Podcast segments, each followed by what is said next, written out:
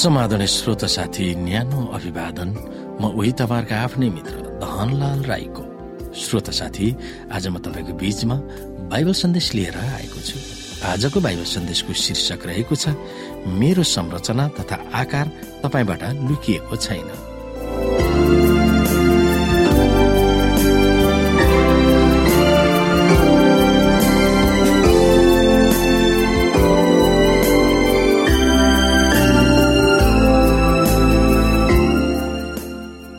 समाधान श्रोत साथी आजको अध्यायमा हामी विशेष गरी भजन सङ्ग्रहका पुस्तकहरूलाई हेर्नेछौ अथवा यहाँ लेखिएका कुराहरू हामी वाचन गर्नेछौ।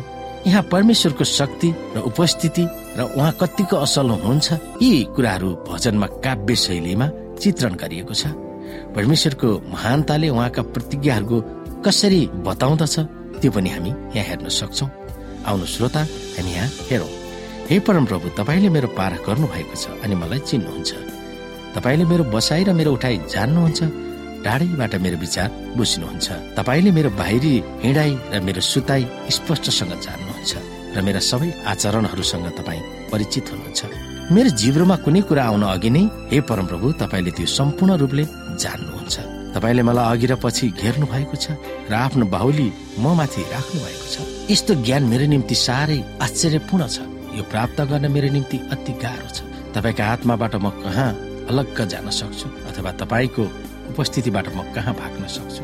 म आकाशमा गएँ भने तपाईँ त्यहाँ हुनुहुन्छ। गहिराईमा आफ्नो ओछ्यान बनाए भने त्यहाँ पनि तपाईँ हुनुहुन्छ। प्रभातको पखेटामा उडेर समुद्रको पल्लो किनारमा गएर बसे भने पनि त्यहाँ पनि तपाईँको बाहुलीले मलाई डोर्याउनेछ र तपाईँको दाहिने बाहुलीले मलाई पक्रिराख्नेछ। यदि म भनौँ अध्यारोले मलाई छोप्नेछ अनि प्रकाश मेरो चारैतिर रातको अन्धकार हुनेछ। तापनि अन्धकार तपाईँको निम्ति अध्यारो हुने छैन।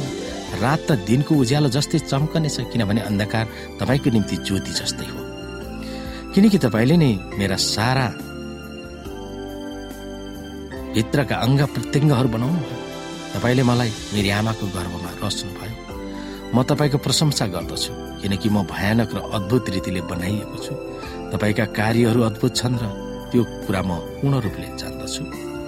जब अदृश्यमा म भन्दै थिएँ मेरो रचना तपाईँबाट लुकेको थिएन अनि जब म पृथ्वीको गहिरामा रचिँदै थिएँ तपाईँका आँखाले मेरा नबनिएको शरीरलाई देखे मेरो निम्ति नियुक्त गरिएको आयु तपाईँको पुस्तकमा लेखिएको थियो।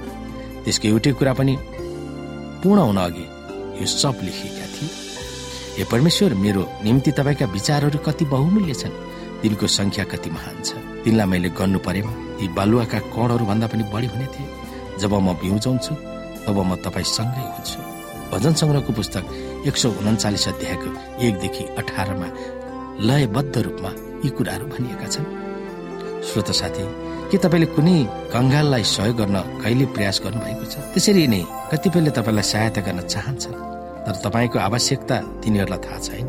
हामीलाई अत्यन्तै माया गर्ने र हाम्रो निम्ति उत्तम हित चाहने मानिसहरूसँग हाम्रो हेमचिम होला तर तिनीहरूभन्दा परमेश्वरसँग हाम्रो बारेमा सिद्ध सटिक र परिपक्व ज्ञान छ।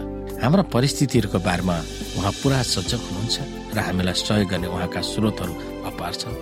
त्यसकारण हामीलाई सहयोग गर्ने हामीलाई उद्धार गर्ने र सहयोग गर्ने उहाँका बाचाहरू हल्का देखावटी वा कुरा मात्र होइन। तर तिनीहरू अटल आश्वासन दृढ भरोसामा आधारित छन्। परमेश्वरको बारेमा भजनका लेखककी ज्ञान यति अपार र विशेष छ कि उनी आमाको गर्भमा हुँदा पनि उनी परमेश्वरबाट लुकिएको थिएन। परमेश्वरको ज्ञान वा अन्तर्दृष्टि समयसँग सरकार छैन। हाम्रो अदृश्य जीवन पनि उहाँलाई थाहा छ र भजनका लेखकले पुरै अस्तित्व कहाँ छ के गर्छ र कुन ठाउँमा उनी छन् सो उहाँलाई पुरै थाहा छ। उहाँ सृष्टिकर्ता हुनुभएकोले नै उहाँमा यो अचम्मको ज्ञान छ।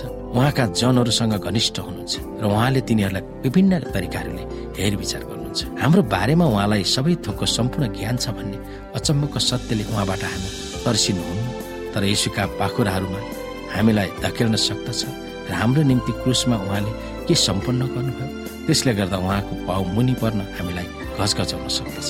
यसुमा आस्था वा विश्वास राख्दा उहाँले हामीलाई उहाँको धार्मिकताको खास्टो उडाउनुहुन्छ।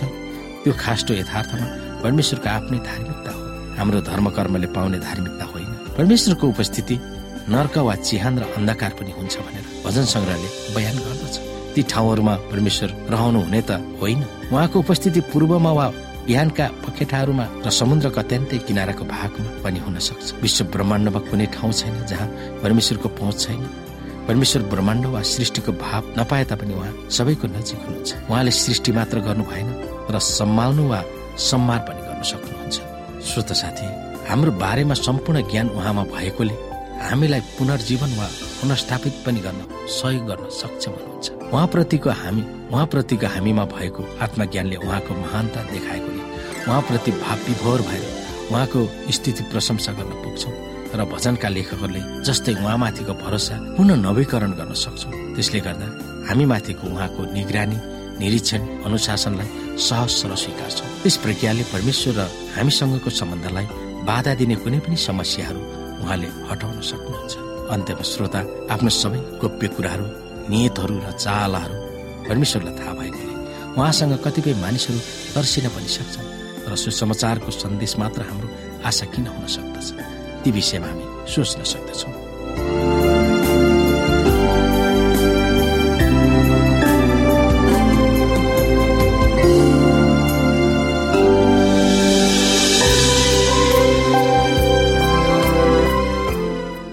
श्रोता साथी आजको लागि बाइबल सन्देश यति नै। हस्त नमस्ते जय मसिंह।